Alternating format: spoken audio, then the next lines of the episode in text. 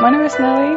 I'm Walfrid. My name is William Johansson. I'm from Stockholm, Sweden. I'm from Helsinki, Finland. I study at QUT. Uh, majoring in marketing and doing a minor in economics. I'm from Norway and I'm studying a Bachelor of Fine Arts in Dance Performance here at QUT.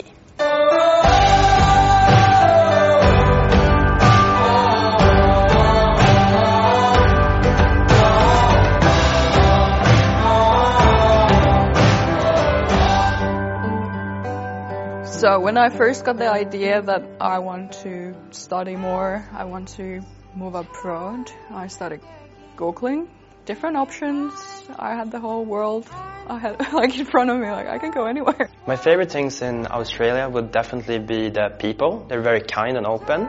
Um, the favorite things I think about studying Australia is definitely the weather and the nature and, and the people here. So in Brisbane, we have beautiful sunny days almost every day. So I really wanted something different from what I'm used to.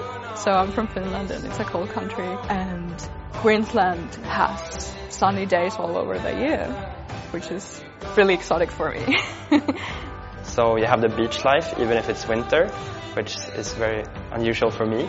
A normal week for me is four days of being on campus, uh, attending tutorials and lectures, and usually I work two days, so Friday evenings and Saturdays I work as a bartender to save up some extra money.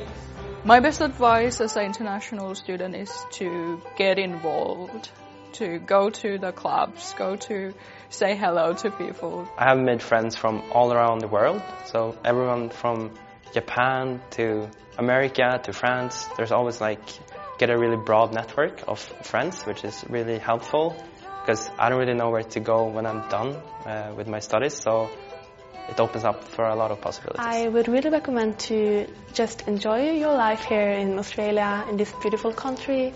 Um, in, get involved in clubs and organizations here. On campus, there's a lot of activities going on all the time.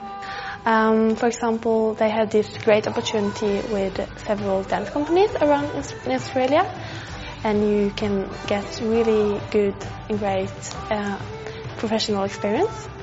So how did I apply to QUT? Um, uh, helped me. She did everything for me. I just filled in the forms. That's how I applied. it was lovely.